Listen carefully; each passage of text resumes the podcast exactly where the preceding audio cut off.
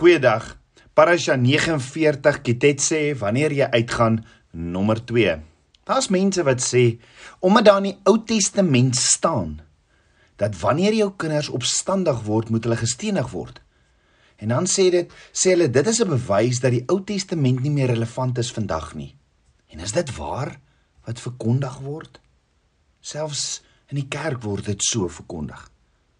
Nee, baie kere word hierdie spesifieke skrif gebruik deur mense om te bewys dat ons nie meer die instruksies van 'n Baba Vader hoef te gehoorsaam nie.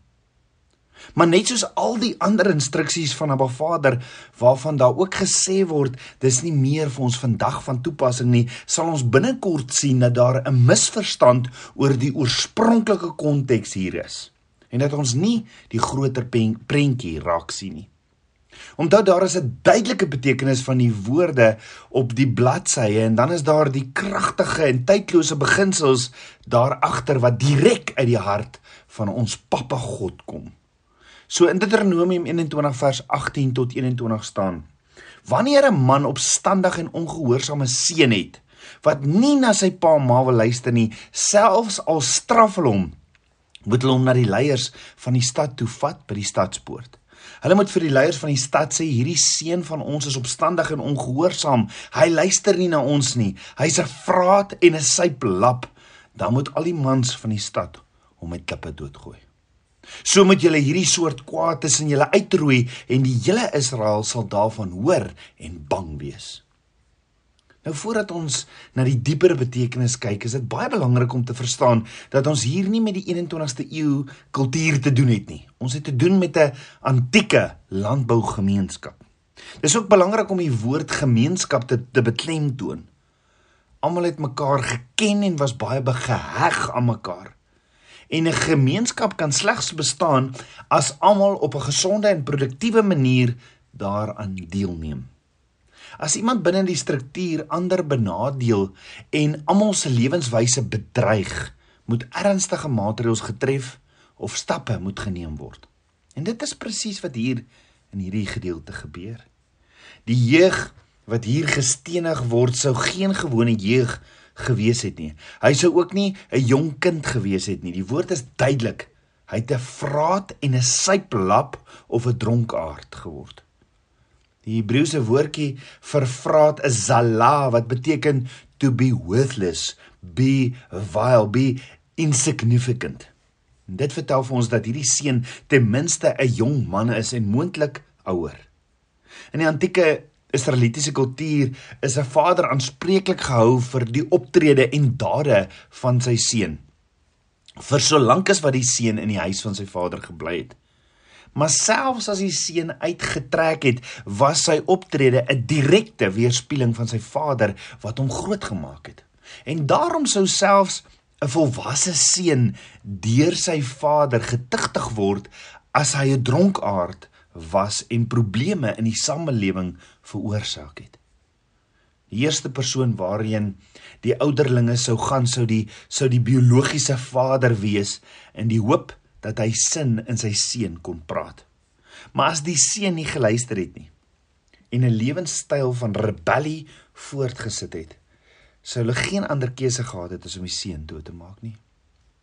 Die keuse van doodstraf lyk taamlik erg vir ons. Maar in werklikheid is dit 'n geweldige daad van genade. En die vraag is, hoe kan dit 'n daad van genade wees om 'n opstandige dronkaard ter dood te veroordeel? Hierdie jong man het oor 'n lang tydperk 'n houding van totale opstand en rebellie getoon. Hy respekteer nie sy vader, die ouderlinge of oudstes van enige vorm van gesag nie. Hy wil doen wat hy wil doen net wanneer hy dit wil doen en dit het, het nie 'n saak hoeveel skade hy berokken nie.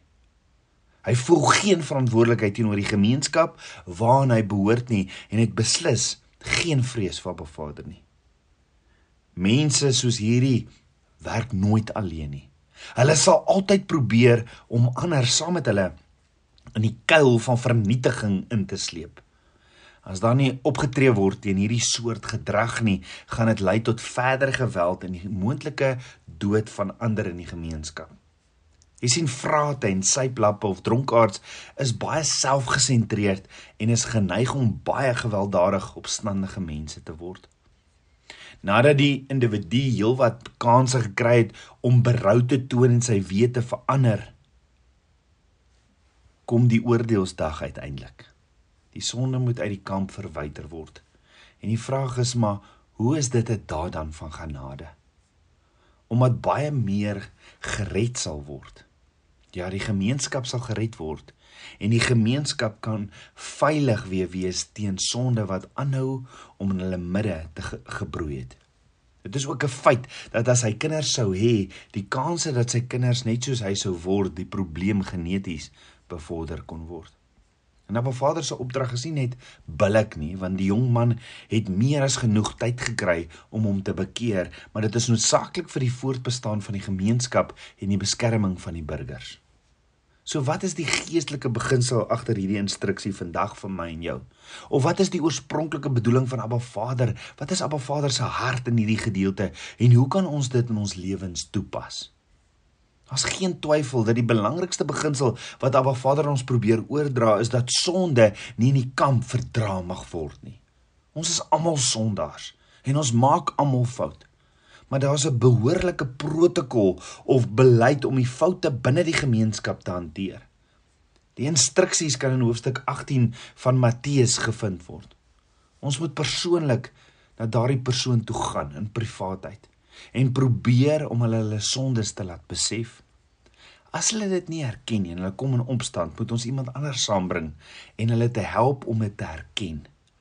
As hulle steeds weier om dit te hoor, moet ons dit voor die ouderlinge of die oudstes van die gemeenskap bring en hulle moet dan die saak van daar af verder hanteer.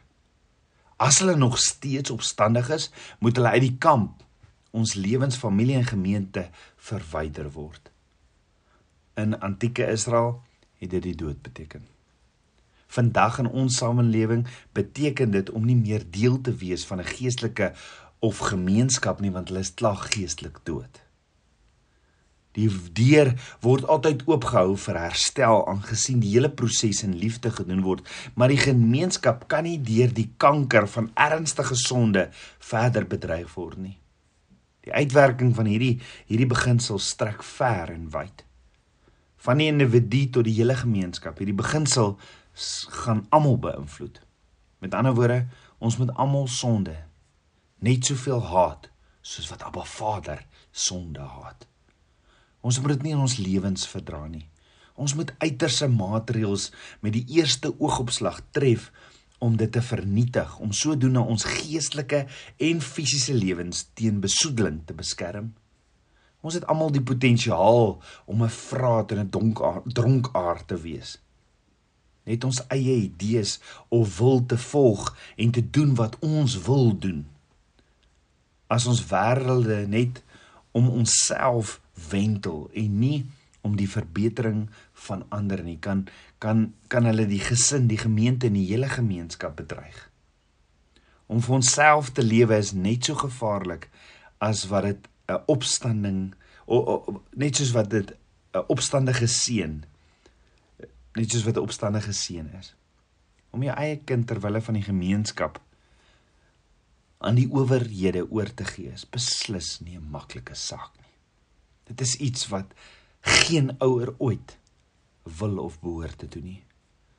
Maar as jy 'n jong ouer is en die wet van Abba Vader ken sal hierdie opdrag jou net meer gedetermineerd maak om ouerskap ernstig op te neem om seker te maak dat jou kinders groot word in die kennis en vrees en die ontsag van Abba Vader en respek vir die gemeenskap. Om Abba Vader lief te hê met jou hele hart, met jou hele siel, met jou hele verstand, jou naaste liefde hê soos jouself. In werklikheid sê die geleerdes en wyse manne omdat hierdie instruksie so streng is, het hulle geen rekord hoor gaga het hulle geen rekord dat dit ooit ooit uitgevoer was nie. Nie eens een keer nie. Dit is 'n hedendaagse feit dat lande met hegte gemeenskappe wat die doodstraf toepas baie laer misdaadsyfers het. Wetgewing en die handhawing daarvan daarvan voorkom of verhoed dat dit dan gebeur. Ons kan selfs in die Paleo Hebreëus sien hoe ernstig Abba Vader opstand en rebellie opneem. Opstand is die woord mere in die antieke uh, in die in in Hebreëus en in die antieke piktogram sou mare beteken die sterk reinigende waters van die kop bring die kragtige regterhand van God. Met ander woorde as iemand in opstand of in rebellie is, het Abba Vader geen ander keuse as om sy magtige regterhand van oordeel na vore te bring en die reinigingswater van Noag oor die individu uit te giet om die sonde uit hulle lewens te verwyder nie. Dat ou dink ook aan die aan die tabernakel, nê, nee, naak naak by die bronsaltaar my sonde afgelê het, kry ek die waterbad van die kry ek die die koperwaskom, die waterbad van die woord wat my was. Die reënwater van die vloed het al die rebelse mense van Noag se tyd vernietig. En die Skepper het vandag nog 'n afskeen rebellie opstand Laastens skriftuurlik is 'n opstandige seun die persoon wat weier om die instruksies van sy vader na te kom. In geestelike sin as ons kies om nie Abba Vader se instruksies op sy manier te shema, te gehoorsaam, Heer luister nou by en ons eie idees en protokolle of beleid volg, is ons in rebellie en is ons in opstand met Abba Vader. En volgens die woord is rebellie heksery. Onthou die vyand was die eerste geskape wese wat teen Abba Vader in opstand gekom het. En dis nog steeds die spel wat hy gebruik om nuwe gevalle agente van die mensdom te werf om vir hom te werk. Ongelukkig weet die meeste nie eens dat hulle vir die vyand werk nie, dat hulle sy hand gevat het en dat hy nou hulle vader is nie, soos Yeshua sê in Johannes 8 omdat hulle geen idee het dat hulle opstandig en in rebellie is nie. Hulle ken Abba Vader se voorskrifte nie goed genoeg om te weet dat hulle dit oortree om op hulle eie manier te doen nie. Opstand kan baie subtiel wees en dit begin dikwels met goeie bedoelings waar die persoon op die ou einde geestelik bankrot laat. Abba Vader laat ons het ons geroep. Het my en jou geroep om 'n lewe te lei wat tot voordeel van die gemeenskap is.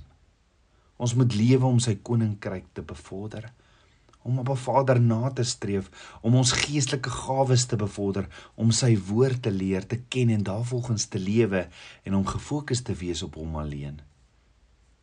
Hierdie deur hierdie gedeelte het Abba Vader een ding baie duidelik gemaak.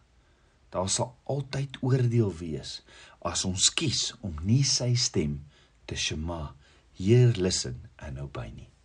Kom ons bid saam. Abba, skieper van my hart. Abba, ek loof en ek prys U.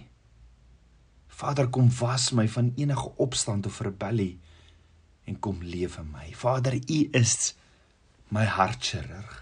Kom deurgrond my. Ek wil terugkeer na U en net wandel saam met U in intimiteit